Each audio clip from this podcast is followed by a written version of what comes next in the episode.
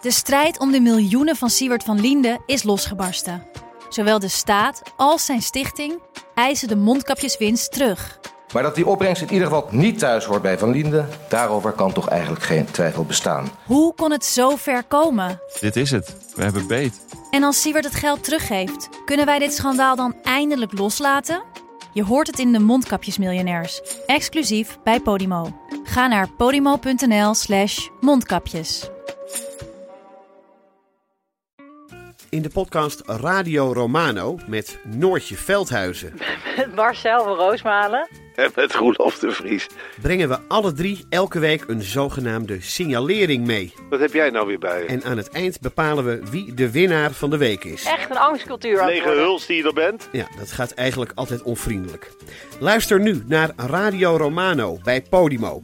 Via podimo.nl slash Radio Romano luister je 30 dagen gratis. This is a historic moment for Croatia because it's the very first time that Croatia is taking the EU presidency, and it comes at a very special moment for the new Commission because you are the presidency of our first 100 days. So. Um, our success also depends on your success. So I'm glad that I can count on your energy and your dedication, Andre. Thank you very much. As our program says, we need a strong Europe in a world of challenges. Thank you. Grazie presidente Plenkovic.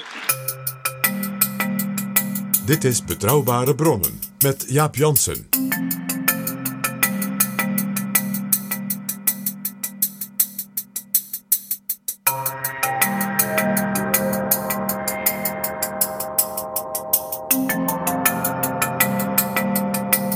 Hallo, welkom in Betrouwbare Bronnen, aflevering 77 en welkom ook PG. Dag Jaap. PG, wij gaan het hebben over de voorzitter van de Europese Unie. En dat is niet Ursula von der Leyen en dat is ook niet Charles Michel. Dat is Kroatië. Kroatië, want Voor is een beetje weggezakt in het beeld misschien, maar Europa, de Europese Unie, heeft ook elk half jaar een andere voorzitter. In Nederland is dat een aantal jaar geleden geweest, 2016. Toen waren er nog allerlei bijeenkomsten, bijvoorbeeld in het, eh, marine, op het marineterrein in Amsterdam. En nu is het dus sinds 1 januari Kroatië. En dat is echt iets bijzonders, een historisch moment. Daarom ook alle reden om daar aandacht aan te besteden. Want dat is voor het eerst in de geschiedenis dat Kroatië als dus relatief nieuw lid van de Europese Unie, hè, dus voormalig eh, eh, onderdeel van Joegoslavië, voorzitter is dus van die grote Europese Unie waar zij nu een vast onderdeel van zijn. Jaap Jansen en Pieter Gerrit Kroeger duiken in de politieke geschiedenis. Kroatië is in 2013 lid geworden van de EU. Ze waren toen al vier jaar lid overigens van de NAVO. En zij werden lid met grote steun van eh, Duitsland, Helmut Kohl. Helmut Kohl heeft al heel snel na de, zeg maar, de val van de muur en het, eh, zeg maar, het oprichten van het, de, nieuwe Europese Unie erop aangedrongen dat Kroatië lid zou kunnen worden. Want die hoorde toch een beetje bij ons en dat vond Oostenrijk ook. En de rest van Europa had zoiets van ja, Helmut, dat is een beetje een soort hè, van Duitsland. En er waren toen een aantal toch nog lastige dingen voor rondom de rechtsstaat en de grondwet en de bescherming van minderheden. Dus de andere Europese landen hebben Duitsland toen een beetje afgeremd. En de Kroaten hebben dat eh, na een paar jaar dat ze natuurlijk een beetje bozig waren, eh, heel goed opgepakt. Die hebben gezegd, dan gaan wij dat zelf doen. Dus die hebben allerlei dingen veranderd in zeg maar, hun grondwet, in de afspraken, in de democratische regels. En toen heeft Europa gezegd, nou jullie verdienen het gewoon, want dat doen jullie hartstikke goed. Kom er nu maar bij. Ja. En zo'n nieuw land wordt niet, meestal niet meteen voorzitter. Want eh, eh, op alfabet word je het, maar dat wordt dan een keertje overgeslagen. De, de en nu men- zijn ze dus voor het eerst echt aan de beurt. En eh, dat werd gevierd en eigenlijk ook geopend in Zagreb, in het Nationale Theater. Met heel veel klassieke muziek. Mozart, Verdi, Beethoven. Zo hoort het ook. Gauno, zeg je dat zo? Gounod. Ja, het is heel bijzonder, want ik heb een lijstje met componisten voor me, niet PG. Dvorak werd gespeeld. En ook eh, Kroatische componisten zoals eh, Lisinski, Zajic en Gotovac. En dat gebeurde allemaal in aanwezigheid van Charles Michel, de president van de Europese Raad, de regeringsleiders. Uh, Ursula von der Leyen, natuurlijk de voorzitter van de Europese Commissie. Uh, de, de president van Kroatië, die binnenkort vertrekt, dat is mevrouw Kolinda Grabar Kitarovic. Een van haar allerlaatste dingen, uh, want ze is niet herkozen. De voorzitter van uh, het Kroatische parlement was er natuurlijk. Dat bestaat daar uit één kamer. En uiteraard de premier Andrei Plenkovic en alle leden van de Kroatische regering. Wat u zegt, een feestdag, die eerste officiële dag van dat voorzitterschap. Dat is voor zo'n nieuw land, een ook relatief klein land, natuurlijk echt iets heel bijzonders. Dat jij gewoon een half jaar zeg maar, de plek bent waar Europa ook samenkomt. En dat jij de vergaderingen voorzit enzovoort. En ja, dat daar Beethoven werd gespeeld. Uh, dat is natuurlijk in dit Beethoven herdenkingsjaar uh, natuurlijk alleen maar logisch. Ja, en ik zei aan het begin, het is een beetje weggezakt misschien in ons geheugen dat er ook nog een landvoorzitter is.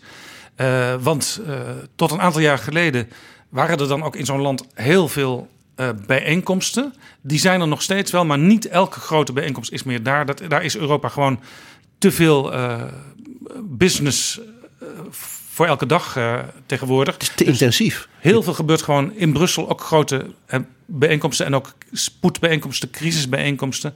Maar er zijn een aantal momenten in het jaar dat bijvoorbeeld in Zagreb er een grote bijeenkomst is. En op de eerste dag van het presidentschap van Kroatië uh, had Ursula von der Leyen namens de Europese Commissie ook een soort toespraak. Uh, waarin ze het, land prees natuurlijk voor alle vooruitgang. En ook uh, de nadruk legde op een aantal dingen die Kroatië zelf wil, wil benadrukken tijdens dat voorzitterschap. Een van de speerpunten van Kroatië is een, het bevorderen van groen toerisme. Kroatië is natuurlijk bij uitstek een land waar je op vakantie kunt gaan. Het heeft natuurlijk een enorme Adriatische kust.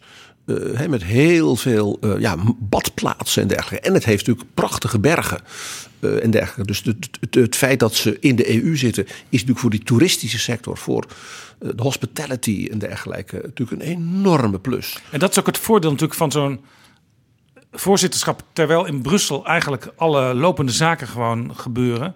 Je kunt wat, wat dingen zelf benadrukken als land. Ja, dat voorzitterschap jij zegt het terecht, is als verschijnsel, ook doordat Europa natuurlijk nu hè, 27 leden heeft. Je bent dus niet zo vaak voorzitter meer, om het maar even zo te zeggen. En doordat Europa zo enorm intensief is geworden, er gebeurt zoveel. We maken zoveel afspraken over belangrijke dingen. Dat ook zeg maar, iemand als von der Leyen, een Michel, hiervoor een Juncker, een Tusk. Die, ja, dat zijn de opvallende figuren. Maar onderschat de betekenis van zo'n voorzitterschap niet. Want dat betekent, wat doe je dat half jaar? Uh, de ministers van dat land zitten dus alle ministerraden voor in Europa. Dus nu als de ministers van, ik noem maar eens wat, uh, van verkeer in Europa bij elkaar komen voor het maken van afspraken. Over Dan is de Kroatische minister van Verkeer de voorzitter. Juist. En, en die, die, neemt ook de initiatieven voor de agenda. Die schrijft uh, misschien een aantal notities. En dat doet hij samen met de eurocommissaris, die dus ondersteunend is. De staf van die minister en de staf van de Europese Commissie, die bereiden voor en agenderen. En als dus zo'n minister en zijn staf die dingen goed voorbereiden, uh, dan kan je dus ook als een klein land opvallend veel interessante dingen die jij belangrijk vindt en de anderen ook. Uh, maar let op dat eerste die jij belangrijk vindt op de agenda krijgen en ook geregeld krijgen. Ja, want als een minister van Verkeer in Nederland misschien wel duizend ambtenaren heeft, heeft de minister van Verkeer in Kroatië, een land met minder dan 4,5 miljoen inwoners, ja, misschien maar 120 ambtenaren of zo. Ja. En die zijn natuurlijk niet allemaal op Europa gericht. Nee, dus de samenwerking tussen dus zo'n staf van, die, van, dat, van de lidstaatminister en de Europese Commissie is altijd het geheim. Uh, zal ik eens een voorbeeld geven hoe je als klein of relatief klein land, dus op een onderwerp waar je zegt dat vinden wij belangrijk. En de Europese Commissie zegt wij zoeken eigenlijk een land dat hier even zijn nek wil uitsteken. Dat je dus heel veel voor elkaar kan krijgen. Dat voorbeeld is het Nederlands voorzitterschap van 2016. Nederland klein, ja, dat mag je eigenlijk nooit zeggen hè, van Mark Rutte. Is ook Uh, niet want zo. Nederland is de kleinste van de grote, zegt hij dan. Natuurlijk, het is middelgroot en het is even de oprichters van de EU en, enzovoort, enzovoort, enzovoort. Maar toch, als je het niet goed voorbereidt, uh, dan scoor je niet. Nou, dit was heel goed voorbereid en dat was gedaan door staatssecretaris Sander Dekker van OCNW. Onderwijs, cultuur, wetenschap. En Dekker heeft toen van tevoren met de Europese Commissie, met name met commissaris Carlos Moedas, een hele jonge vent, buitengewoon uh, slim. Die hadden als het ware zeg maar, in, de, in de voorbereiding van dat voorzitterschap al gezegd: de tijd is rijp. En dat was dus om dus het idee van open science, dus dat als jij met elkaar samenwerkt in Europa en ook met Europees geld, dat dan wat je aan wetenschap doet volledig transparant moet zijn. Dus niet iets achter een betaalmuur of bij een uitgever droppen waar je dan uh, heel veel geld voor moet betalen als je iets wil lezen. Dus open access, zoals dat heet. En eigenlijk breder open science. Dat je dus die, die, die, de samenwerkingsprojecten altijd met elkaar samen doet en daar afspraken over maakt. Transparant over bent, de samenleving bij betrekt. Ja, eigenlijk ook waar wetenschap voor bedoeld is. Hè? Van alle kennis moet beschikbaar zijn om kennis te vermeerderen. Daar zeg jij heel iets heel verstandigs. Maar ja, door het nationalisme we gaan het maar gewoon zeggen zoals het is, van de 19e en 20e eeuw, heeft men toch heel veel muren gebouwd om de wetenschap per land. En een van de prachtige dingen van de EU is natuurlijk dat het de kenners, de wetenschappers, de studenten, de geleerden bij elkaar brengt en ze samen dus veel meer kunnen. Nou, dat beginsel van open science, dat was dus al, dat die discussie leefde al. En het is dus in dat Nederlands voorzitterschap geweest, ook door het initiëren door Sander Dekker als dat half jaar voorzitter, met steun van de commissie, dat ineens een hele serie ook conferenties en afspraken ten principale werden gemaakt. Open science wordt dus het uitgangspunt van Europees beleid op het gebied van RD, innovatie en dergelijke. En niet als soort leuk nieuw idee. Dat was dus heel belangrijk. Dat, ja, dat zet als het ware uh, de stempel op het Europa van de komende nou ja, 30, 40, 50 jaar. Ja, en dat wordt dus voorbereid voordat dat voorzitterschap op zo'n eerste dag start. Wordt dat al een tijdje voorbereid? Zo'n zo, zo typisch dingetje wat je dan even op een hoger plan wil zetten. Wat dus principieel dus van grote betekenis is. Dat, dat doe je niet helemaal even zomaar. Daar speelt nog iets. En dat is een van de meest handige innovaties in Europa bij die voorzitterschappen. En dat is de trojka. Ja, want dat halfjaar voorzitterschap dat wordt natuurlijk voorafgegaan door een andere voorzitter en weer opgevolgd door een nieuwe voorzitter. Elk half jaar een ander land. Dus als je uh, een trojka hebt, dan heb je er drie. En dat betekent dus eigenlijk dat Kroatië al een half jaar meedraait in dat voorzitterschap. Juist. En dat zo, ik zal je ook zo zeggen hoe ze dat hebben ingericht, zodat Kroatië als het ware echt helemaal goed geïntegreerd had kon doen. Want je hebt nu dus een trojka onder het voorzitterschap van Kroatië met de vorige voorzitter, Finland, en de volgende voorzitter, Duitsland. Duitsland. Betekent dus dat de Kroaten als het ware met de zeer gedegen en ervaren Finnen als het ware al een half jaar mee konden doen in de voorbereiding. De Finnen dus mee blijven doen ja, met de verdere uitwerking van de afspraken tijdens het Fins voorzitterschap. En de Kroaten met dingen die zijn afgesproken in hun voorzitterschap weer mee kunnen doen bij het ook natuurlijk zeer ervaren en gedegen Duitse voorzitterschap. Dus als nieuw land zit je als het ware tussen twee, uh, ja, hoe noemen we dat, boekenplanken van landen waar je zegt van wij weten hoe dat moet. Ja, Finland is natuurlijk al, al zeer ervaren binnen Europa. En staat bekend als zeer gedegen uh, Europeanen. Ja, Duitsland is natuurlijk de, samen met Frankrijk in de praktijk de leider van Europa. En een van de oprichters van de EU zit er vanaf het begin in, net als Nederland. En Duitsland ook is natuurlijk zeer gedegen, met natuurlijk een, een extreem ervaren kanselier in. Dus ja, dan weet je dat als nieuw land tussen die twee, dat, dat is enorm behulpzaam. Dus, dus zo'n trio, zo'n zo'n trojka leidt er dus toe dat je als land, als je een paar goede onderwerpen hebt, het voorbeeld van dat open science van Sander Dekker, dat je eigenlijk anderhalf jaar lang zo'n agendapunt kunt opwarmen.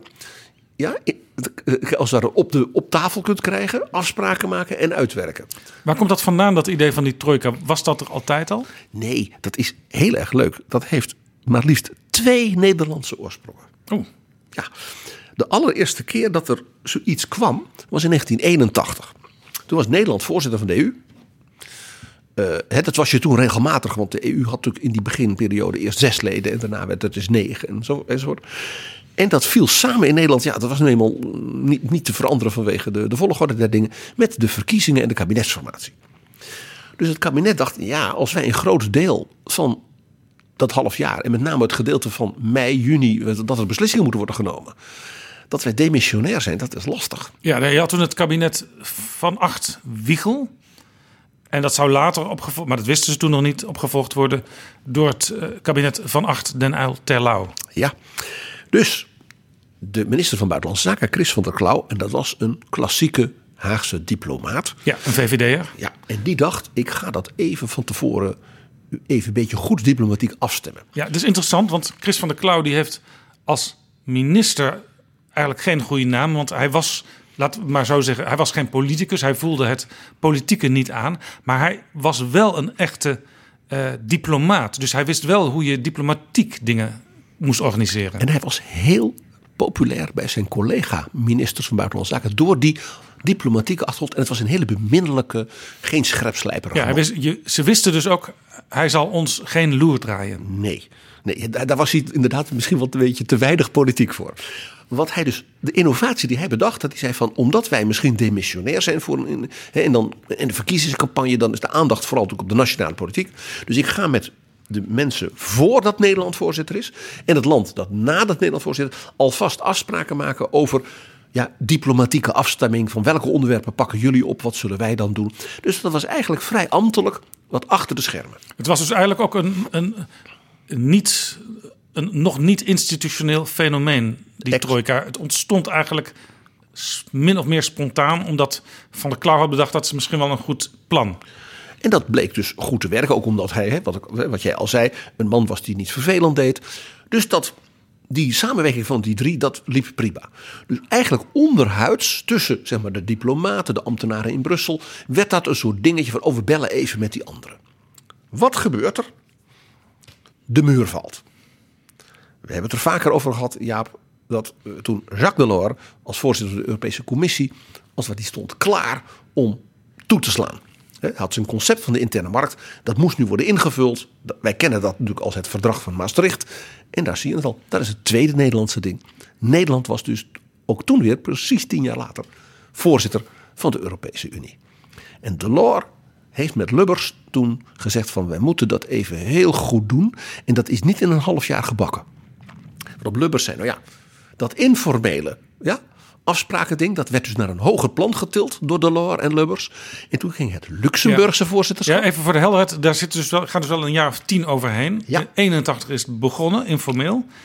En vanaf 1990 was het echt een vaststaand fenomeen. Toen werd het dus ineens een heel behulpzaam iets in die unieke situatie van dat moment. Dus Delors, Lubbers, die zeggen: wij tillen dat overleg naar een hoger plan. Dus toen kreeg je voor het eerst dat de, dus de premier van Luxemburg, Lubbers en de premier van Portugal, want die zou naar Nederland komen. Dus met z'n drieën, met Delors, als het ware voor die anderhalf jaar. Ja, dan kun je ineens strategisch afspraken maken. Jullie beginnen dan dit, dan dat. Typisch Delors, altijd strategisch denken. En Delors dacht natuurlijk ook, als die drie landen al hun verantwoordelijkheid nemen voor de grote lijnen naar de toekomst toe, dan zit dat gebeiteld. En dan uh, kan ik nog steviger de dingen benadrukken die ik zelf belangrijk vind. Het, het, lijkt of jij in het hoofd van Delors gekropen bent, want zo, zo dacht deze man. Dus, er speelde, dus, er speelde nog iets. Nou ja, je zou ook kunnen denken van ik wil het niet afstaan aan anderen, ik wil het allemaal zelf regelen. Maar zo werkt dat natuurlijk niet in Europa, want Europa is eigenlijk een soort polder in het kwadraat. Je moet op allerlei niveaus en in allerlei lagen samenwerken en mensen meekrijgen voor de projecten die je belangrijk vindt. En Delors wist toch al op dat moment, hij was toen al vijf jaar uh, commissiepresident, was nu net her, herbenoemd dat als het ging om de, de lijn vasthouden en ja, dat hij niet te bang hoefde te zijn als hij eens even de eer met anderen deelde. Het bleef toch het grote project Delors hoor. Uh, zo was hij wel. En uh, uh, maar hij, was, dus... hij, was, hij, hij, was niet zo ijdel als zeg maar zeggen, Mitterrand, die alles uh, in zijn eigen kadertje wilde zetten. Als je maar wel als monsieur le président aansprak. Uh, speelde hier nog een heel klein dingetje. Delors was echt iemand van de, hè, die dacht tot de middellange en de lange termijn. Hij deed dit ook met Lubbers samen. Dus voor het eerst als het ware naar dat hogere plan tillen. En dan Nederland onder dat voorzitterschap dat verdrag. Omdat hij namelijk wilde dat Lubbers hem zou opvolgen. Dat was dus ook een beetje een soort kroonprins ja. benoeming. Lubbers liep als het ware als stage met zijn eigen verdrag. Zodat hij precies wist hoe Europa in elkaar zat. Zo gaan die dingen. Voor de heel jonge luisteraars. Hij werd het uiteindelijk niet Lubbers. Hij werd geen voorzitter. Nee, dat is een verhaal apart. Nou, dat trio, die trojka, Luxemburg, Nederland, Portugal, dat werkte dus zo goed. Uh, dat eigenlijk vanaf dat moment, aangemoedigd door Delors, uh, al door weet je wel, het ene land dan afviel. Hè? Dus in dit geval Luxemburg. En onder het Portugese voorzitterschap de opvolger van Portugal erbij kwam. En eigenlijk vanaf dat moment is dat dus een vaste, ja, vast stramien geworden van dus slimme coördinatie met oogblik voor de iets langere termijn dan alleen maar per half jaar hè, bij, bij nul weer beginnen. Ja, het heeft dus voor een- het aanpakken van Europa. Een hele tijd stond het gewoon ook niet beschreven dat er een trojka zou zijn. Maar die was er gewoon. En op een gegeven moment werd het zo gewoon dat ook iedereen ervan uitging van dat hebben we toch altijd al gehad, bij wijze van spreken. Ja, het staat dus nergens zeg maar, in verdragen of in wetten of wat dan niet. Het Nog dus- steeds niet? maar het is puur, het is puur eh, eh, doordat Delors, als het ware, de, de, de, zeg maar, de werking van die trojka, als het ware, eh, eh, go- goed organiseerde met de desbetreffende premiers, dat het sindsdien een soort vast patroon is. En dit is overigens heel interessant. Hier zie je dus hoe Europa ook eigenlijk functioneert. Het is vaak improviserend. Oh, er is een probleem. Nou, de val van de muur en alles wat daarop was meer dan alleen maar een probleem. Eh, hoe kunnen we eh, bijna coalities vormen, ook soms tussen lidstaten, in dit geval dus die drie? Eh, om te zorgen dat dat efficiënt gaat, vlot gaat. Een van de geheimen van Europa, dus sommige dingen heel snel gaan vaak. Ja, nou, het interessante is dus... Je hebt En dat je gebruikt dus Ja. zo'n improvisatie. En als die dus echt werkt. En je, dat je dan zegt, laten we dit vooral blijven doen. Ja, en hier, hier komt ook het politieke ambacht heel erg om de hoek kijken. Want je hebt dus zo'n trojka als groep van drie. Je hebt natuurlijk eh, de Frans-Duitse as. Je hebt eh, landen die bij bepaalde onderwerpen belangrijker zijn... of zichzelf belangrijker vinden dan andere landen die ook samenwerken. Je hebt nu bijvoorbeeld Wopke en de Zeven Dwergen... die eh, over financiën in Europa een wat andere visie hebben dan de, de zuidelijke landen. Eh, en je hebt natuurlijk ook nog de politieke families, de Christendemocraten, de Sociaaldemocraten, Liberalen, Groenen, noem ze allemaal maar op. Onderschat de Visegrad-groep niet. Dat zijn landen als Polen, Tsjechië, Slowakije, Hongarije, Kroatië, hè, nu voorzitter. Die dus vaak gezamenlijk vanuit een aantal weer Oost-Europese gevoeligheden met elkaar proberen op te trekken. Dan heb je nog de Nordic Council, dat zijn de Scandinavische landen. Daar doen de Balten vaak mee. En bijvoorbeeld ook landen als Noorwegen en IJsland, die geen eens lid zijn, maar heel actief meedoen dus- en meedenken in Europa. allerlei schijven die elkaar ook eh, eh, deels overlappen. En waar je dus op bepaalde momenten van crisis of gewoon momenten van strategie van wij willen over 10, 20, 30 jaar willen we daar staan. Bepaalde landen bij elkaar hebt die dan het voortouw nemen. Waardoor uiteindelijk op een gegeven moment eh, de rest zegt oké, die richting gaan we op. En wat je dus krijgt is het landen, het voorbeeld van, van, van, van Wopke en de Zeven Dwergen. Is, hè, daar zitten dus Scandinaviërs in, daar zit de Balten in. Dus er zit ook een stuk van de Nordic Council zit erin. Maar doordat die Balten erin zitten, heb je dus ook een aantal, zeg maar, Oost-Europees Ja. meedenkende landen. Oostenrijk speelt daar Ja, ook precies. een rol in. Oostenrijk is bijvoorbeeld een land wat daar niet heel erg eh, duidelijk in de schijnwerpers bij wil zitten, maar die wel op alle manieren erbij betrokken willen zijn. Want daar hebben ze ook weer hun redenen voor. En bijvoorbeeld Duitsland eh, praat ook mee, maar die willen ook niet eh, heel erg in de schijnwerpers zijn, want die hebben natuurlijk al genoeg invloed via die Frans-Duitse as. Ja, precies. Maar die kunnen wel het juiste tikje geven op het juiste moment. En wat je dus ziet is allerlei verschillende, bijna combinaties, coalities, allianties binnen die EU. eh, waarin sommige landen, je wijst er terecht op, zelfs in meerdere van die allianties een plekje hebben. Dat zijn soms vaak kleinere landen, het voorbeeld van de Balten, het voorbeeld van de Finnen. Maar doordat ze in die allianties bijvoorbeeld een hele goede en stevige rol vervullen, ver boven hun gewicht, als het ware, kunnen mee beïnvloeden. Ja, en nu heb je bijvoorbeeld, ehm, de Britten zijn natuurlijk binnenkort eruit, want ja, eh, wat eh, Henry Kruithof, de oud eh, voorlichting van de VVD, ook twittert. Die twittert namelijk altijd de hashtag er komt geen brexit. Ja, dat deed ik met hem samen. Hij is inmiddels tijd. alle flessen wijnen aan het uitkeren die hij in weddenschappen had uitstaan. Want ja, het zal er waarschijnlijk toch wel van komen, zeer binnenkort. Maar nu is bijvoorbeeld Nederland zich meer aan het richten op Frankrijk. Want we zaten altijd vrij comfortabel in die driehoek tussen Berlijn, Parijs en Londen. Nou, Londen valt weg. Dan is het niet fijn om volledig afhankelijk te zijn van de Duitsers. We willen ook meer met de Fransen doen. En een van de voorbeelden is heel recent. eh, premier Mark Rutte die vindt dat migratie nu eindelijk eens goed geregeld moet worden in Europa. En vooral ook eh, migratie aan de, eh, tegenhouden aan de buitengrenzen. En het terugkeren van mensen die uiteindelijk geen asiel krijgen. Wat natuurlijk heel slecht loopt op dit moment. En daar is hij met Frankrijk heel erg, met Macron in gesprek. En dat is dan een van die eerste zeg maar, olievlekken die dan steeds groter wordt, hoopt Nederland dan natuurlijk, om uiteindelijk eh, spijkers met koppen te slaan. Ja, nou, eh, even verderop, Jaap, zal ik daar toch even aanstippen. Want hier gaan wij met dus dat Kroatisch voorzitterschap nog het nodige te stellen krijgen.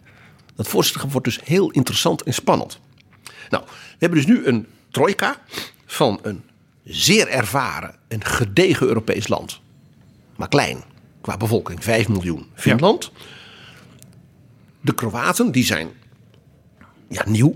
Ja, en nog kleiner. En 4,5 miljoen. En een, daarna komt dan een zeer ervaren, zeer gedegen groot land, Duitsland. Dus dat maakt het als het ware voor de Kroaten ook, die weten ze hebben als het ware support hè, bij de collega's in de trojka. Dus die trojka die zal vast heel goed functioneren. Kroatië, ja, voor het eerst van de geschiedenis, in de geschiedenis dus, eh, voorzitter. De Republika Hrvatska. Want dat is de officiële naam. Kroatië is dus Hrvatska. Hrvatska. En ik zei het al, dat is een Balkanland om goed op te letten. We zullen zoiets natuurlijk hebben over de bijzondere historie van Kroatië in Europa. Want die is echt heel bijzonder. Dat verwacht ik ook niet anders van jou, PG. Uh, uh, als ik je nou vertel dat Kroatië een tijd lang de hoofdstad was van het Imperium Romanum. Dat weet vast niet iedereen. Het Romeinse Rijk. Jazeker. En natuurlijk, heel interessant, actueel, uh, de politieke ontwikkelingen in Kroatië zelf. Want daar is wel het nodige gebeurd. Uh, en die geven iets aan van ook hoe, zeg maar, hoe we in Europa met elkaar als we groeien. Ja, er is naar... net een nieuwe president gekozen. Juist. Die, die, die staat nog in de startblokken, die moet nog officieel beginnen. Ja, die moet nog uh, uh, zeg maar, officieel be beëdigd worden en dergelijke. Nou, wat gebeurde er? De kiezers in Kroatië hebben iets gedaan. Dat is eigenlijk heel Europees. dat, is, dat vond ik heel opvallend. Die kiezers die hebben zoiets van. Uh, je moet zorgen dat in een land de balans er is. Je zou bijna zeggen een soort Balkanpolder. Want, ja, want, want Kroatië is heel erg de laatste jaren een land geweest wat geregeerd werd door christendemocraten, zeg maar het, het Kroatische CDA. Daarvoor vaak ook de, de, de, de sociaaldemocraten met ja, de links-liberalen. Dus twee grote partijen. Dus dat wisselt wat heen en weer. En wat de kiezers dan vaak doen, uh, want dat hebben we in die vorige periode gehad toen de sociaaldemocraten da daar domineerden. Dan kozen de kiezers een christendemocratische president. Ja, dus. En nu hebben ze het omgekeerde gedaan. Ja. De christendemocraten stonden politiek dus sterk in het kabinet. Hadden ook dus de president nog uit die vorige periode. Benoemden ook natuurlijk in de commissie van der Leyen een christendemocratische mevrouw, de burgemeester van Dubrovnik, tot eurocommissaris. En we deden de kiezers, die zeiden, nou, dan maken we de voormalige premier van zeg maar, de Kroatische P van de A, die maken we president. Dus die, balans, die kiezers die balanceren dus heel bijna verfijnd.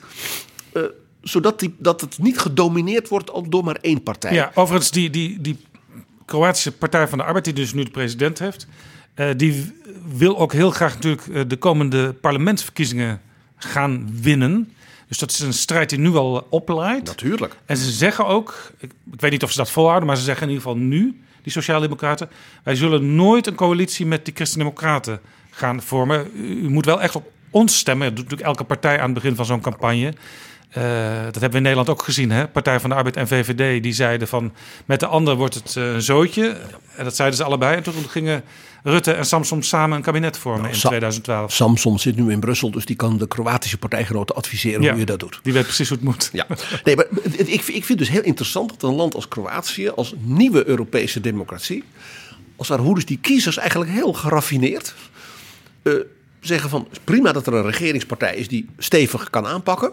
Daar hebben we ze ook voor gekozen. Maar dan bij die presidentsverkiezingen twee jaar later zetten we iemand van de andere partij daar neer. Zodat je een balans, hè, wat ik zei, een beetje Balkanpolderen. Vind ik wel een interessant uh, punt. Je ziet dus ook dat de Kroaten op die manier dus uh, in de EU ook gewaardeerd worden. Als uh, hele constructieve, slimme partner. ze hebben niet veel, mag ik zeggen, wat ego-gedoe wat je misschien wel eens met de Hongaren hebt en met de Polen en zo. Dat je denkt, dat mag wel een beetje minder allemaal. Ja, ze stralen dus eigenlijk samenwerkings, een wil tot samenwerking uit. Ja, en daardoor tellen ze dus echt mee. Ook al hebben ze dus een, ja, niet zo heel veel inwoners. Uh, het meest interessante voorbeeld, dat is bijna niet genoteerd. Wij hebben er samen wel al een keer over gehad, volgens mij in mei of juni. Was toen de Europese verkiezingen voorbij waren. Dat die Europese partijfamilies, die benoemden allemaal twee een soort, wij zouden zeggen, informateurs. Onderhandelaars. Ja. Voor de liberalen Macron en Rutte. voor de Christendemocraten, één van die twee was de premier van Kroatië. Ja, ja, dat was interessant, want dat waren niet. André dat, dat waren dus niet eh, hele grote landenvertegenwoordigers. Nee, die andere was een van de, van de Balten. Ja. En doordat dus de, de, de, de Christendemocratische partij, familie, ja, dus enorm was uitgebreid in Europa. Dat, bij eigenlijk elk land heb je wel zo'n Christendemocratische of premier of eh, oppositieleider of iets dergelijks. Dus die hebben toen met elkaar gezet, we gaan twee van die wat kleinere landen, die gaan we die onderhandelingen laten doen. En het feit is dat de Kroaten, hè, die dus nog, no- toen op dat moment nog nooit voorzitter waren geweest van de EU, dat hun premier dus de onderhandelaar werd, dat gaf dus aan dat die Kroaten echt meetellen en gewaardeerd worden. En dus ook het vertrouwen hebben van ze hebben de andere, ook grote landen.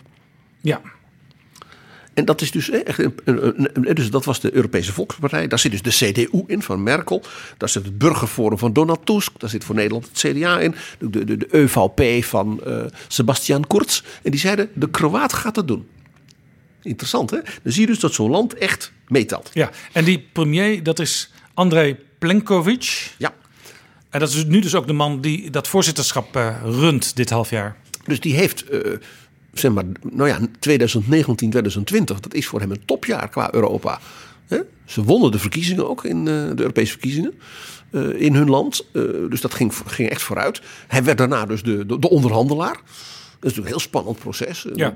En, als nu dus voorzitter. Ja, en later dit jaar zijn er dus parlementsverkiezingen. En hij hoopt dan natuurlijk met de glans van dit voorzitterschap die opnieuw te winnen. Maar dat is de vraag of dat gaat lukken. Want ja, die sociaaldemocraten die komen blijkens die presidentsverkiezing op. Ja, dus ook daar zullen we zien of de Kroatische kiezer weer zal zeggen: Nou, die balans, eh, dat bevalt ons wel. Eh, je ziet dus ook dat Kroatië dus in Europa, eh, ik zei het al, een wat ander profiel heeft. Het is, het is eigenlijk vrij geslaagd. Ze hebben dus nou, hun democratie, hun rechtsstaat, hun grondwet aangepast. om echt bij Europa te kunnen horen. En ik ga het een beetje ondeugd zeggen. Ze zijn een beetje het, het nette Balkanland.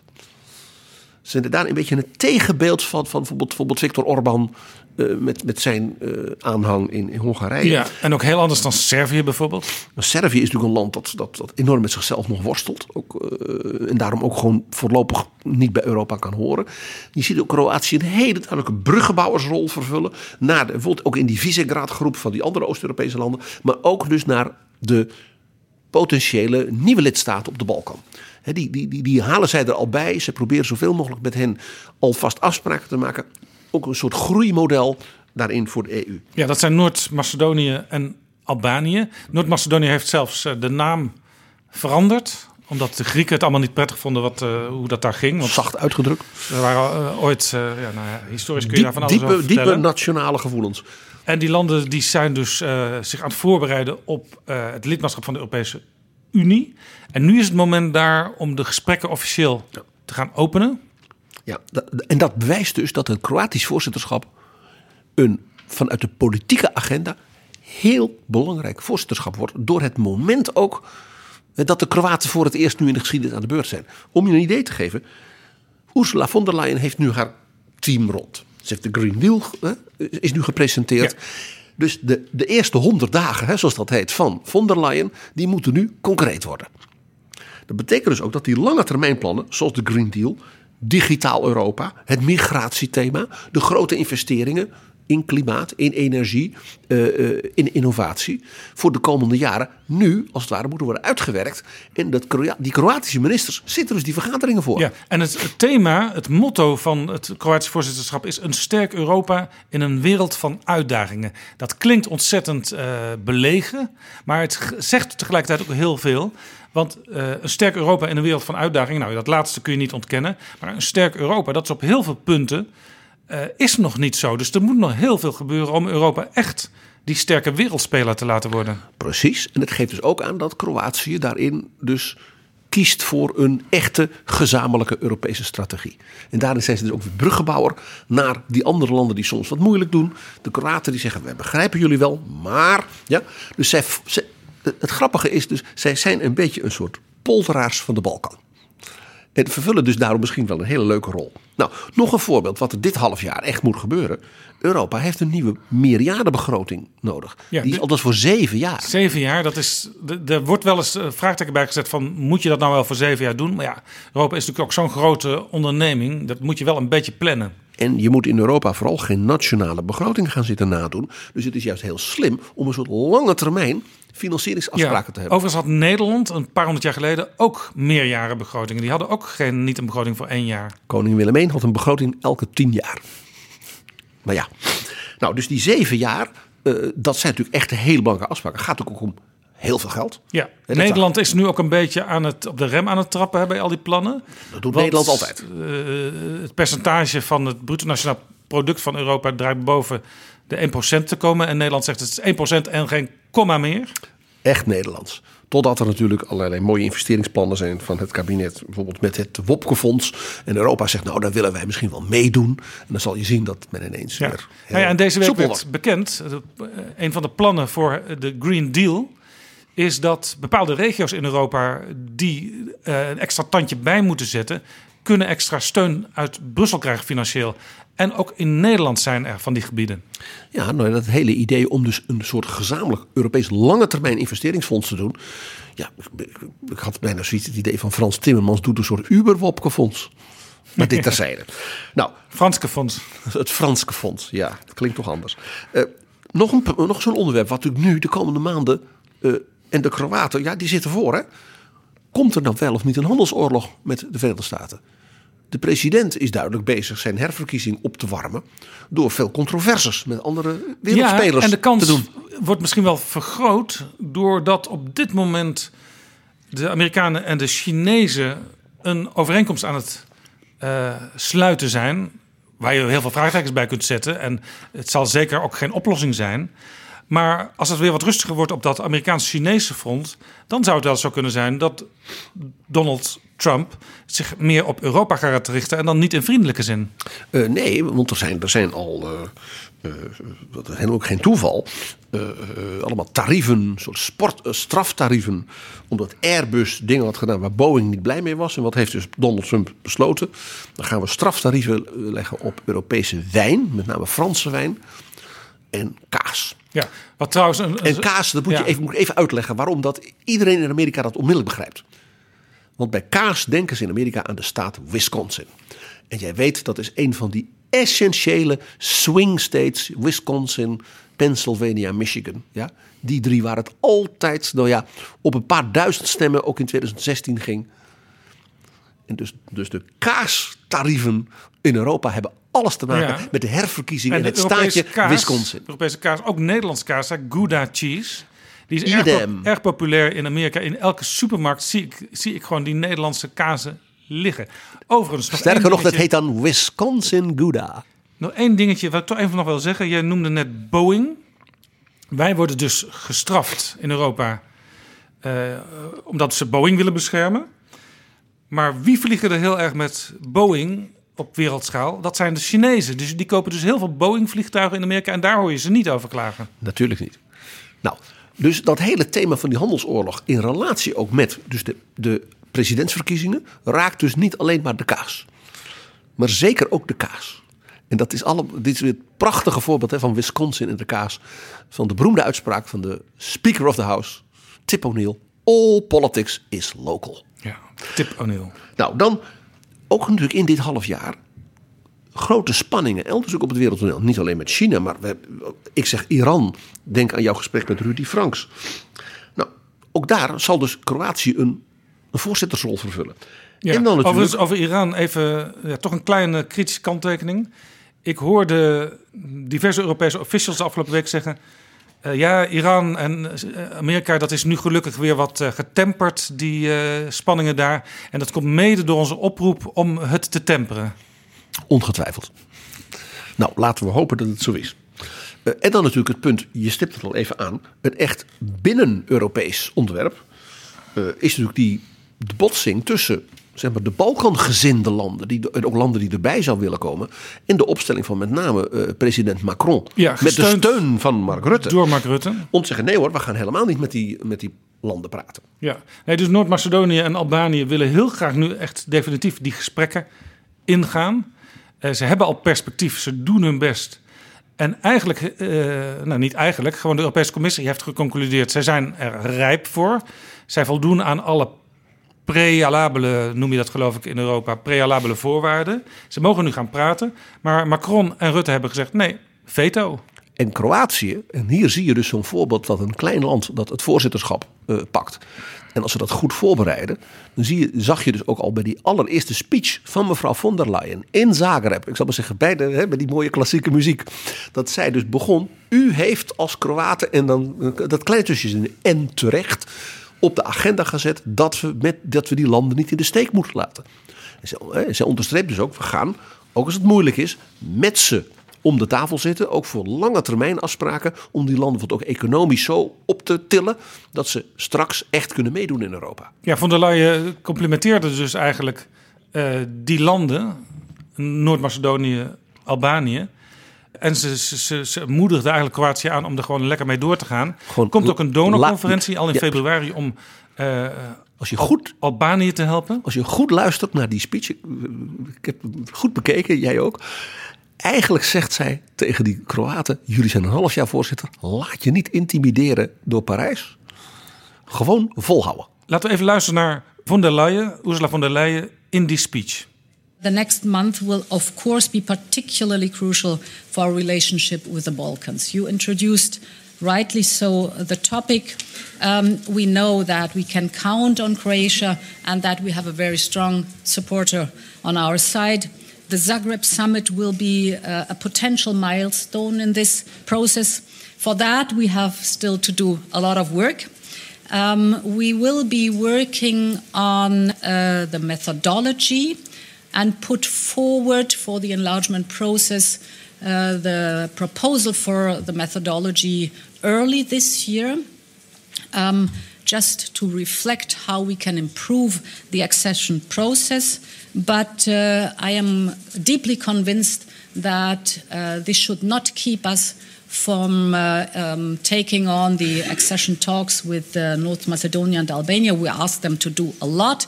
They fulfilled the criteria, so now we do have to deliver um, and to keep our promises.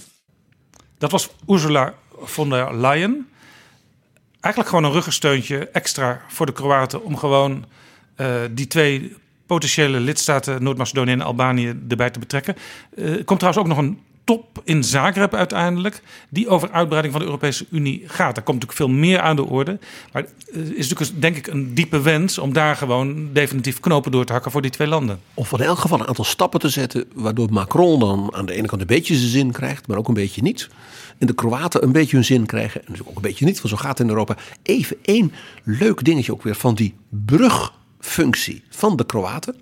De Europese commissaris die dat moet regelen, die uitbreiding en die contacten met die landen, is de Europese commissaris van Hongarije. En zo houden ze ook die Hongaren er weer bij. Van ja, jullie, hè, dat ook als Hongarije lastig is en Orbán. En, nou ja, denk aan ons gesprek met Judith Varga. Zelfs zij gaf toen aan, als Europa-minister van Orbán, dat ze natuurlijk erbij blijven. Dat ze meedoen en u moet ons begrijpen. En de Kroaten, nou ja, die zitten als daar altijd op die lijn. Hou ze erbij. Laat ze niet weglopen. Uh, hè, dus als die Hongaarse eurocommissaris een aantal stappen kan zetten in die bespreking met de nieuwe landen, houdt dat ook de Hongaren weer bij de les. Ja, overigens wel even de kanttekening erbij, want dat is soms een misverstand. Een commissaris die door een land daar is afgevaardigd, zit daar niet namens het land. Die zit al volstrekt onafhankelijk. Dat heeft uh, Ursula von der Leyen deze week ook nog benadrukt. Uh, deze commissie is een onafhankelijke commissie en die laat zich door geen enkel land de les lezen. Natuurlijk niet, maar je zit daar vanuit een land, dus ook vanuit de historie en de gevoeligheden. En dat moet je ook inbrengen als eurocommissaris in het team. Ja, maar je bent wel een teamspeler. Ja. Nog even, waarom hebben Frankrijk en Nederland eigenlijk hun veto uitgesproken over die uh, toetreding van die landen tot die besprekingen? Omdat zij, uh, uh, laat ik zeggen, de, de, de, zeg maar het positieve schoolrapport op de vooruitgang. Uh, zei ze, nou, dan kun je nog wel hier en daar een kanttekening mee maken. En als je nu al zegt, we gaan met jullie beginnen toetredingsgesprekken te voeren. Als het dan in zo'n land niet goed gaat, of er komt eens een keer een verkeerde uh, uh, corrupte regering aan het bewind, dan kunnen we, zie Turkije, weer zo moeilijk zeggen: we stoppen er nu mee. Ja, ik denk dat er ook nog iets anders meespeelt. Dat, je, je zegt het al een beetje hoor, maar er is natuurlijk veel discussie en debat in landen van Europa. Van, hebben we sommige lidstaten niet iets te snel toegelaten in het recente verleden? Denk maar aan landen als Roemenië, Bulgarije. Er is inderdaad gedoe met landen als Hongarije, Polen. Uh, dus om de mensen in het land, zou Wiegel zeggen, mee te krijgen met Europa. Uh, even pas op de plaats, even wat vertraging in dat proces. Waarbij je tegelijkertijd dan de andere kant hebt, en dat is natuurlijk wat de Kroaten ook benadrukken, van de mensen in Macedonië, de mensen in Albanië, die hebben zo ongelooflijk hun best gedaan. Noord-Macedonië. Zo hun best gedaan, ook die regeringen, om hè, de civil society, de rechtsstaat te verbeteren. Als je dan zegt, je hebt geweldig je best gedaan, complimentjes, maar we gaan niet met je praten. Dan roep je misschien wel heel verkeerde krachten in zo'n land wakker. Dat is de andere kant ervan. Dat hebben we in Roemenië gezien. Roemenië waar ook al mensen zeggen, ja, ze zijn er niet klaar voor.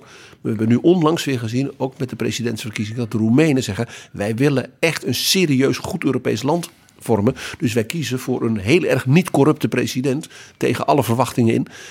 Er is dus ook een hele positieve werking van als je als Europa zegt, kom op, praat met ons. Je krijgt niet meteen binnen een jaar van alles. Je moet economisch en dergelijke, moet je je voorbereiden. Maar geef die mensen een perspectief.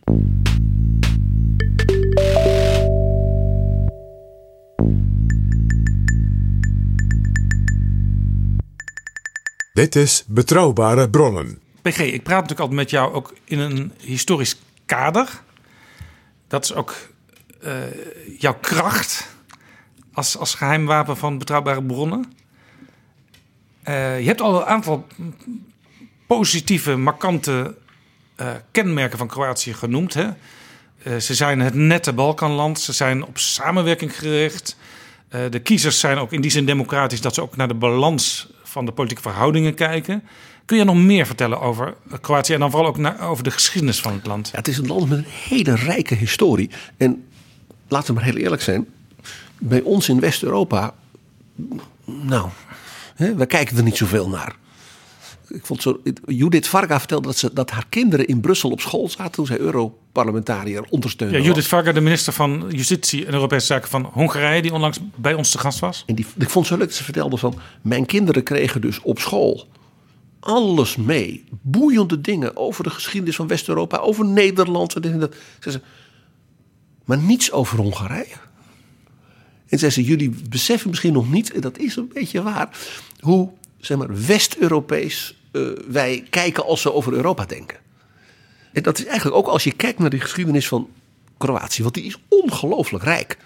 Als je je nou vertelt, het Koninkrijk Kroatië, waarvan jij dacht onmiddellijk, oh ja, natuurlijk. Je wist niet eens dat het er was, laten we eerlijk zijn. Dat komt uit de tijd van voor Karel de Grote en heeft bestaan tot 1918.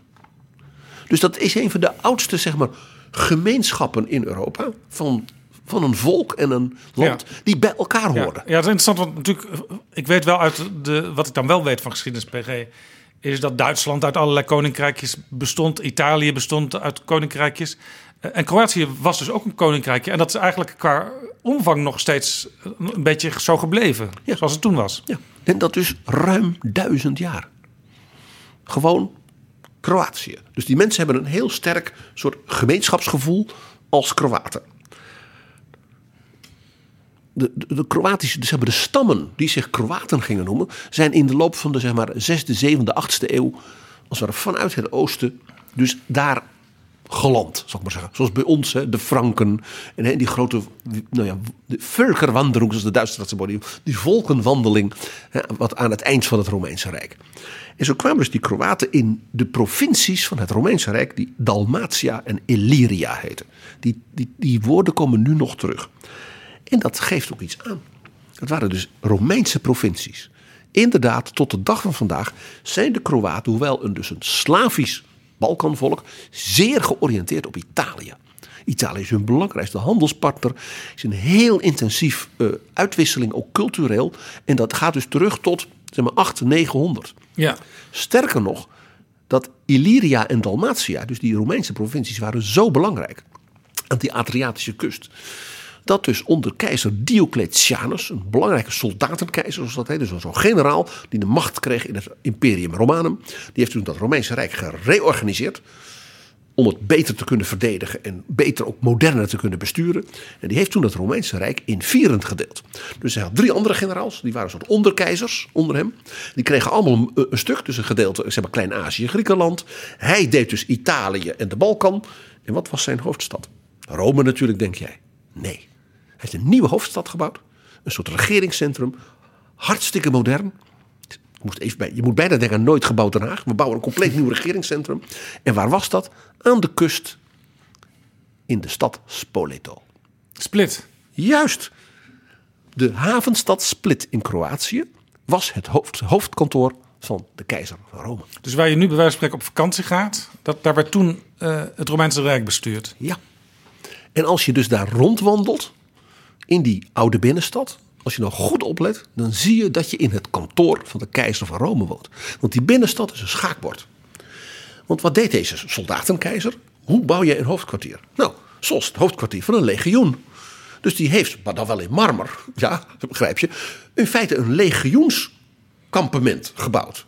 Aan de kust, met in het midden dus de tempel, het forum en zijn kantoren. En daaromheen dus allemaal kantoren wat dus in een legioen uh, hoofdkwartier, een castellum zoals dat heette. Dus waren daar tenten voor, en, en, en, en, en, en barakken voor de soldaten. Nou, dat was natuurlijk nu mooi marmer voor zijn ambtenaren. Maar als je die binnenstad, als je dus in Split loopt, in die binnenstad, dat is allemaal keurig recht. Ja, het is een schaakbord. Het is keurig gesplitst. Gesplitst. En daar loop je dus in het paleis en het regeringshoofdkwartier van keizer Diocletianus. Je zegt schaakbord. De, de, de vlag en het wapen van Kroatië ziet er ook een beetje uit als een schaakbord. Ja, dat is heel grappig. En met, met de, de, de kleuren van dat uh, Kroatische koninkrijk, wit en rood. Maar dat, dat wapen met dat schaakbord, dat, ik moet er ook altijd denken... zou dat dan toch nog een herinnering zijn aan keizer Diocletianus? Nou, dat geeft dus aan dat Kroatië al dus toen, en dan hebben we het over 300 na Christus... dus een uitermate strategisch gelegen uh, uh, plek was zeg maar, voor, voor het beheersen van de hele Middellandse Zee. En ook de Balkan en dus de rest van Europa. Ja, ook goed verdedigbaar hè, met die rots, rotsachtige kust. Precies. En voor de vloot natuurlijk uh, kon, kon de keizer als daar heel snel ja, berichten, diplomaten, besluiten, troepen door dat hele Middellandse zeegebied laten reizen. Nou, na de instorting zeg maar, van het Romeinse Rijk kwam dus dat koninkrijk Kroatië, van die nieuwe volkeren die zich daar vestigden. En zoals ik al zei, die hadden dus een hele bijzondere band met Italië. Cultureel, en dat kwam toen ook door de handel. Want die kuststeden als Split, eh, wat wij nu kennen als Dubrovnik, dat heette toen Ragusa. Dat waren hele belangrijke, zeg maar half Italiaanse handelsteden. Dus de, de handelaars, de bankiers, de, uh, de, mensen, zeg maar de familie van Marco Polo. Hè? Dus de mensen uit Genua en vooral uit Venetië, die vestigden dus hun handelshuizen ook aan die kust. Dus die steden zijn ook heel sterk Italiaans van cultuur. Ook van buitenkant, ik zeg maar, de architectuur, renaissance, barok. Je herkent een Italiaanse levenssfeer. Ja, dus als je als Italiaan daar met vakantie gaat, dan ben je eigenlijk thuis. Bijna wel, ja. ja. Dus zo'n stad als Ragusa was dus een hele belangrijke handelsstad voor de zijderoute naar China. Want dan gingen ze dus vanuit uh, Kroatië, zeggen wij nu, net als Venetië, dan naar bijvoorbeeld steden als, als Aleppo, Antiochië, dus nu, het, nu in Syrië. En van daaruit dus die grote handelsroutes door Perzië, de zijderoute naar China en weer terug. En Marco Polo was een Venetiaan die op die manier dus naar China kwam en ook weer terugkwam. Nou, Ragusa was net zo'n stad en was een soort zusterstad van Venetië. En hun vloot werkte ook vaak samen als we het moesten verdedigen tegen, tegen de piraten of tegen Er werd toen natuurlijk ook helemaal niet gesproken over Italianen, maar bijvoorbeeld over Venetianen als een van die groepen met wie ze samenwerkten. Precies. Nou, na 1450 was natuurlijk een grote verandering, want toen rukten natuurlijk de Turken die rukten op vanuit Azië en Klein-Azië. Namen in 1453 natuurlijk eh, Byzantium in, oude hoofdstad van het Romeinse Rijk, naast Split, wat toen Constantinopel was en daarna Byzantium geheten. En dat, dat werd Istanbul, de hoofdstad van de Turkse sultan. En die begon natuurlijk die Balkan te veroveren. En dat leidde natuurlijk tot enorme druk op die kuststeden en op dat kleine koninkrijk Kroatië. Dus die zochten toen hulp dat is een strijd op leven en dood geweest in de 16e, 17e eeuw. Heel veel guerrilla ook in, uh, op die grens. Dus ja, wat, natuurlijk, wat natuurlijk ook logisch is, guerrilla op, is zo'n rotsachtig gebied. Je kunt daar jarenlang uh, nauwelijks vooruitkomen, maar nog steeds wel tegenover elkaar blijven staan. Ja, dus dat was een hele soort militair uh, ja, gebied met forten. En waarbij ze elkaar voortdurend probeerden nou ja, een fort in te nemen, een stad te, pakken. Uh, ja, in de bergen, dus knokpartijen. De Kroatische troepen. De soldaten van, van Kroatië waren, dus, waren ook beroemd in Europa om hun vurigheid en om hun buitengewoon goede cavalerie. Daar komen we straks nog op. En toen hebben zij een bondgenoot gevonden in Oostenrijk. Met name dus het huis Habsburg, dat natuurlijk Oostenrijk en Hongarije verenigde in één dynastie. Nou, we hebben het met Caroline de Gruyter al over gehad. Kroatië, dus het koninkrijk Kroatië, koos toen de Habsburgse prins tot koning van Kroatië. En daardoor werd het onderdeel van zeg maar, dat Habsburgse rijk. En jij herinnert je nog, we hebben het erover gehad een tijd geleden, dat wij als Nederlanders, de Nederlanden, daar ook toe hoorden. Dat was het, het rijk van Karel V. Hè, van de familie Habsburg, die Spanje, Italië, het Duitse keizerrijk, de Nederlanden, Oostenrijk, Hongarije, dus ook Kroatië en heel Amerika en alles beheerste. En al die details over het Habsburgse Rijk kun je beluisteren in aflevering 71 van Betrouwbare Bronnen. Ons gesprek, je noemde het al, met Caroline de Guiter. Ja. Daarmee werd Kroatië dus een soort, ja, uh, uh, uh, soort permanent oorlogsgebied. Een soort militair spanningsrafelrand in Europa. Tussen die grote nieuwe wereldmacht die er kwam. De, de sultan en de Turken. Tegenover dus de wereldmacht van Habsburg. Dus dat was echt een plek waar, als het ware, we zouden zeggen zoals in de, in de Koude Oorlog, de, de, de, de Berlijnse muur, was Kroatië toen dat, dat spanningsplek, waar schuurde het ook letterlijk. Er werd gevochten en alles tussen de Turken en Habsburg en dus Habsburg met de steun van andere Europese landen. Na zeg maar 1700 werd dat allemaal wat uh, minder uh, heftig, doordat uh, de Oostenrijkers erin slaagden de Turken voor flink terug te slaan. En toen kon Kroatië als het ware, was het ietsje minder militair grensgebied. Maar het grappige was, het is altijd ook in die da daarna, dus een sterk gestuurd, ook vanuit Wenen, Oostenrijks. Men bleef altijd bang, stel dat die Turken weer terugkomen. Dus het bleef altijd een vrij, uh, uh, ik wil maar zeggen, militair volk ook. Ja. Uh, men bleef, het Oostenrijkse leger ja, had Kroatische troepen. het was een, een, wat dat betreft een, een, een vechtersvolk. Naast dus die handelsdrijverskant, hè, die dus die wereld, open wereldkant van steden als Split, Dubrovnik. Hè, dus die Italiaanse kant zou ik bijna zeggen van hen. Plus die zeg maar, Slavische mili militaire kant. Dat zit beide in de Kroatische cultuur en historie uit die tijd. Dus als we uh, Kroatië tegenkomen in internationale missies, dan moeten we eigenlijk niet verbaasd kijken. Want dat is, ligt best voor de hand dat zij ook een rol daarin zullen spelen. Ja. Wat je dus ook hebt, dat is interessant hierdoor. Ook door die samenwerking, hè, dat ze opgenomen werden in het Habsburgse Rijk. Is dat Kroatië aan de ene kant dus een hele sterke eigen nationale cultuur en historie heeft. Al vanaf nou ja, 800 hè, ononderbroken koninkrijk Kroatië. En tegelijkertijd vol minderheden. Er waren dus Oostenrijkse ambtenaren, ze hadden Tsjechen, ze hadden uh, Slovenen, Hongaren, uh, Roma. Kroatië is dus aan de ene kant heel Kroatisch, nationaal. En aan de andere kant ook met, met die Italiaanse invloeden. Je hoort al zo multicultureel als maar kan. Ik geloof dat de Italianen de vierde bevolkingsgroep zijn. Ja, ja. Dus een hele merkwaardige combinatie van nadrukkelijk nationalisme en uh, alle volkeren in de wereld komen hier handel drijven. Heel, dat maakt dus Kroatië ook daar weer door een heel apart land. Je zag dus dan ook toen in 1991, 95 de communistische dictatuur van Joegoslavië uh, uit elkaar viel. Dat de daarin opgebouwde spanningen, die in die dictatuur natuurlijk altijd onderdrukt werden, dat dat dus losbarstte. Ja. En toen kreeg dus dat nationalisme, uh, ook zelfs dat militarisme, duidelijk de overhand. Hè. Toen zijn er echt ook vreselijke dingen gebeurd, ook in Kroatië. Ja. Complete burgeroorlogen. Ja, dat was ook lastig bij toen, toen uh, Kroatië lid wilde worden van de Europese Unie en steun van Duitsland kreeg, uh, om hele historische redenen. Maar dat ook wel mensen dachten van ja, maar uh, in de Tweede Wereldoorlog uh, heulde Kroatië toch ook met, uh, met Hitler-Duitsland. Dus dat is niet zo'n goed idee misschien. Daar, speelde, daar spelen dus heel veel van dat soort ook, herinnering. En natuurlijk ook die burgeroorlog in Joegoslavië, waarbij de Kroaten zich vrijgevochten hebben. Uh, en Servië dus weer een inval deed met Milosevic. En allemaal een hoop narigheid in elk geval. En ook echt etnische zuiveringen. Dus de Serviërs werden dan Kroatië uitgetrapt. En de Kroaten werden dan Servië uitgetrapt. Dus juist die, dat gemengde van door elkaar heen. Wat kenmerkend was. Waardoor, het, he, waardoor ze ook zo ja, letterlijk ook in de hele wereld handel konden drijven en dergelijke. Dat, toen kreeg ineens toen dat nationalistische de overhand. Met alle bloederigheid daaromheen. En dus dat andere landen in de EU zeiden van nou, Kroatië mag er wel bij, maar dan moeten ze wel een paar dingen even regelen. Zo was er onder andere een regeling voor mensen die dan veteraan waren uit die burgeroorlog. Die waren dan min of meer, uh, die kregen een soort voor, voorrangsbehandeling. En toen zei Europa, ja, maar als daar mensen tussen zitten die geen mooie dingen nee. hebben gedaan, bepaalde generaals, dan moeten die toch echt gewoon, dan moet, die moeten ook als dat nodig is voor zo'n tribunaal. Nou, dat vonden de Kroaten best moeilijk. Nou, ze hebben dus zich, ik zei het al eerder, ze hebben dat ook in hun geschiedenis een beetje overwonnen.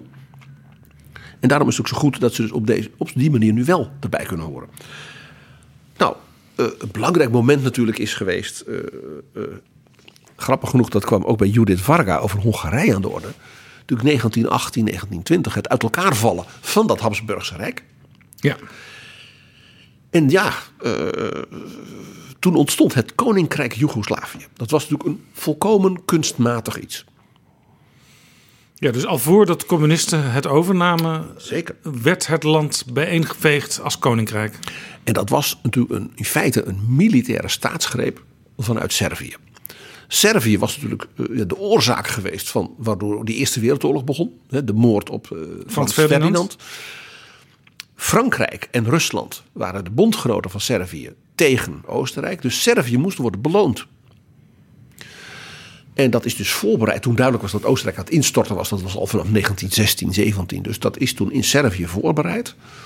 Uh, daar heeft de buitengewoon kwestieuze geheime dienst van Servië een grote rol in gespeeld. Dezelfde mensen die die moord op Frans Ferdinand hebben voorbereid met allerlei terroristen.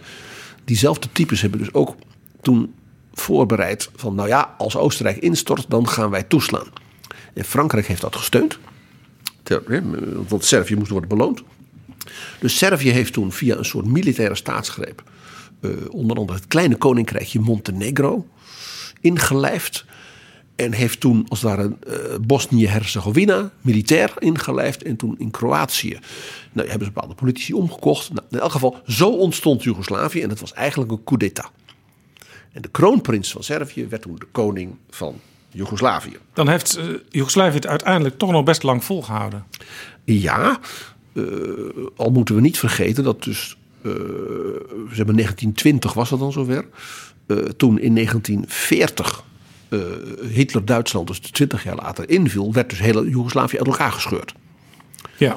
Toen werd Kroatië dus onafhankelijk met een soort fascistisch bewind. Uh, met name geïnspireerd natuurlijk vanuit Italië. Daar zag je dus de Italiaanse invloed.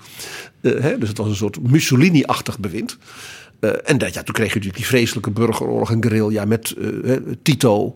Vanuit de Serviërs en de Kroaten. Die elkaar ook bestreden. Niet alleen de vijand van buiten, maar ook elkaar. Grote ellende dus in Joegoslavië. En onder, bij het herstel na 1945 heeft men Joegoslavië hersteld. Maar dan als republiek uh, met een communistisch bewind. Ja. Dat het dus. Waar vaak vanuit uh, bijvoorbeeld een land als Nederland met enige waardering naar werd gekeken. Want uh, ja, daar werken ze toch eigenlijk voorbeeldig samen. Maar we wisten niet dat er zoveel opgekopte spanning onder zat. dat dat ineens weer losbarstte aan het eind van, van Joegoslavië. Een dictatuur is altijd een dictatuur. Ook als de leider een vriendelijke man lijkt hij uh, gezellig met de koningin ja, in een bootje. Precies, bij Juliana op bezoek en andersom. Dus in 1995, toen die burgeroorlog voorbij was, hè, Srebrenica en al die ellende. En dat Joegoslavië uit elkaar gevallen was, was men eigenlijk terug in 1595. 400 jaar eerder. Een grensland vol etnische spanningen, guerrilla's, gedoe. En dan zeg ik nu, we zijn nu 25 jaar verder. En dan zeg je toch eigenlijk.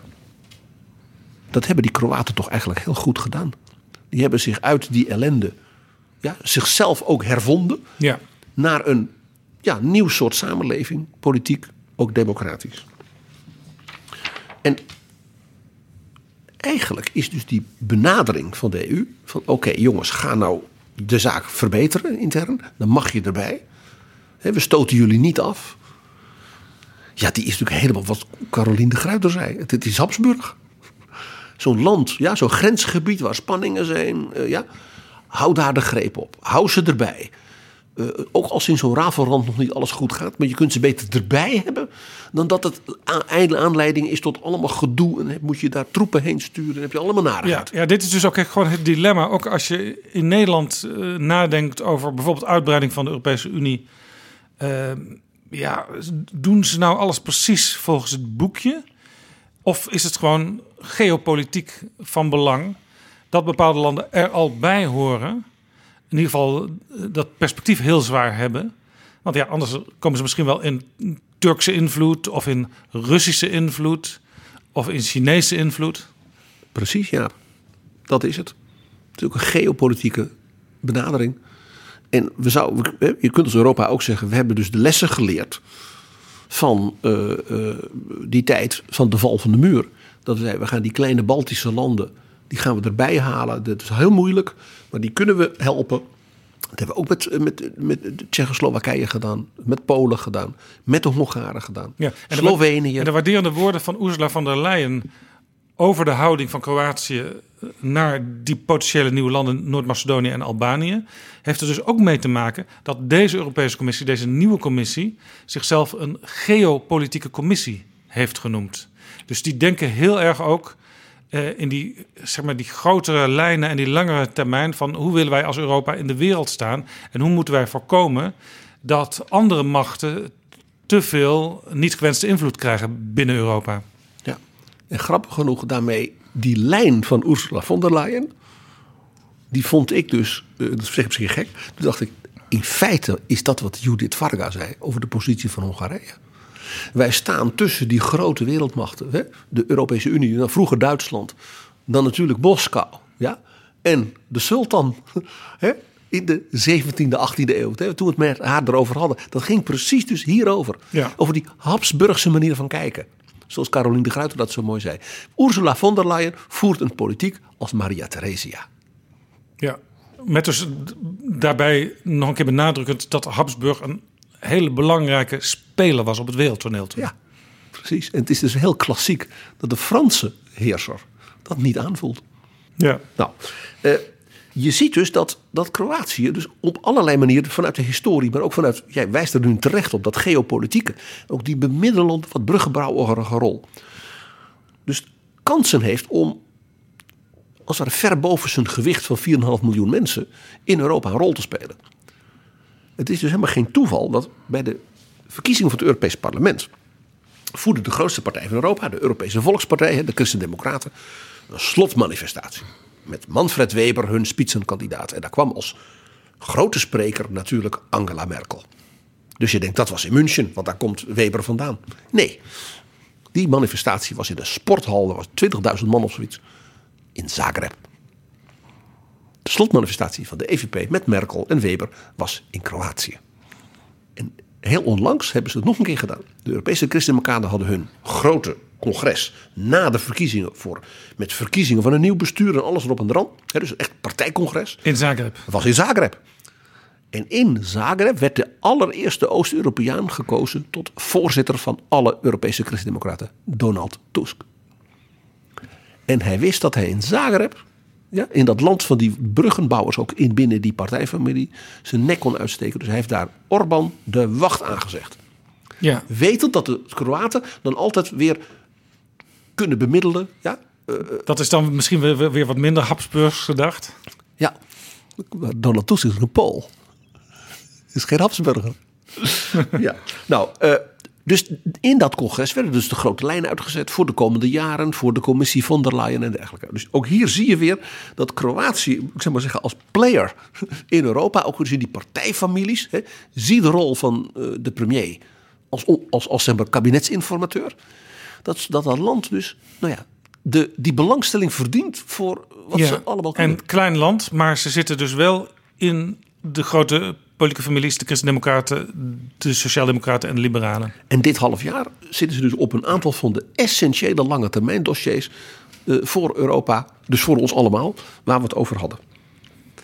Mag ik nog één dingetje uit de geschiedenis even naar voren halen? Ja. Eén dingetje. Eén dingetje, één dingetje.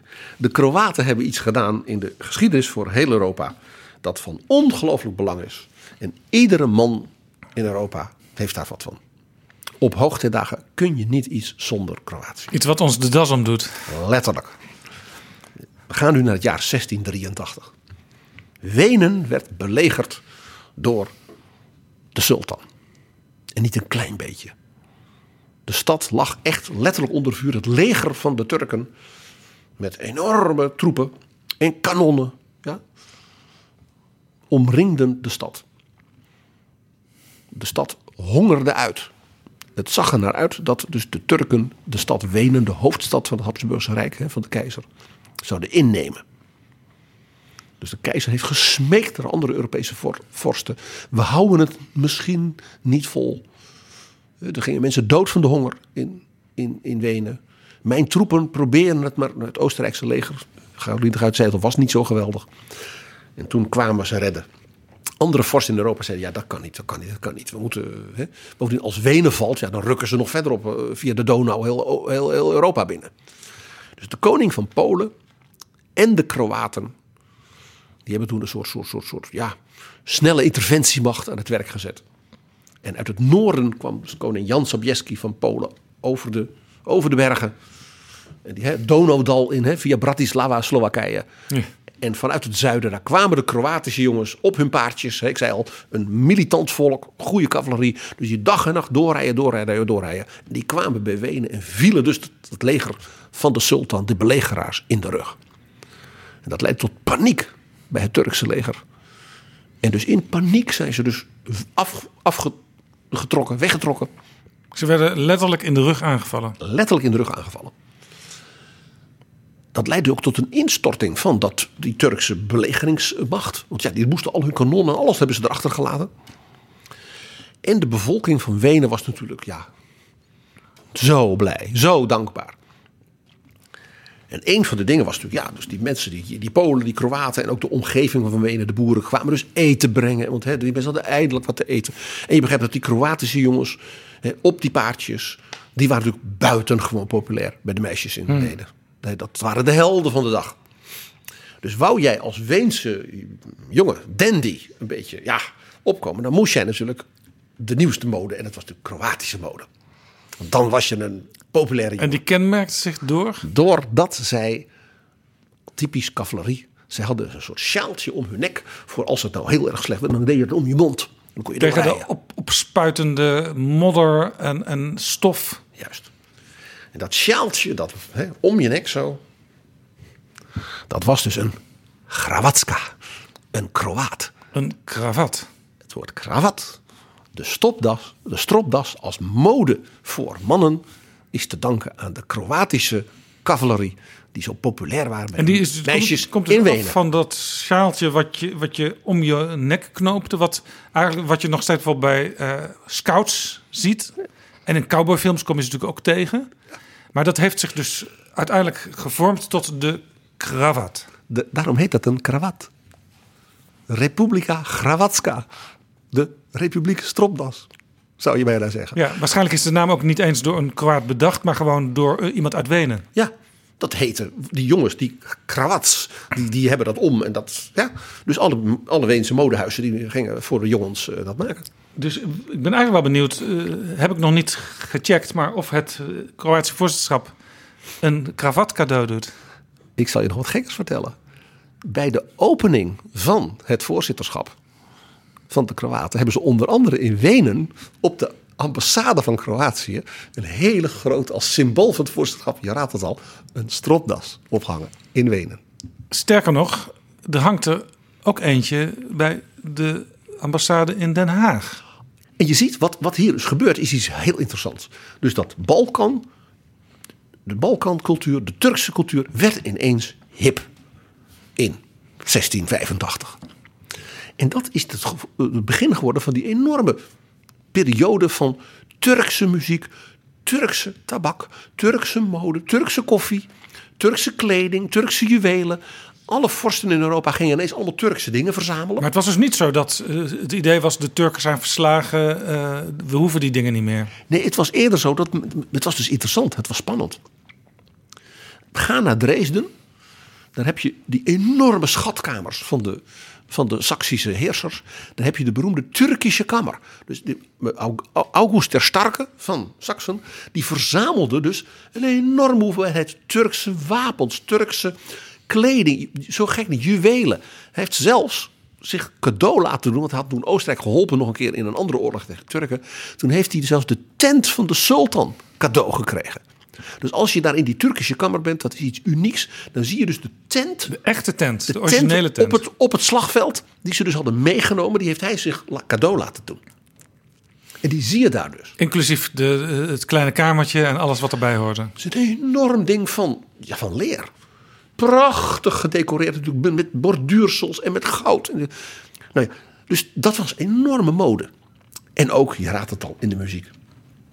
We kennen tenslotte van Mozart zijn sonaten à la turca. Ja, ook bekend in Nederland, heeft in de top 40 gestaan van de popgroep Exception. In de popmuziek is dat ook terechtgekomen, inderdaad. En ja, het meest, het hoogtepunt hiervan, van deze, zeg maar, ja, Balkan. Even, even, even stop, want nu ik de gelegenheid heb, klein stukje van Exception à la Turca.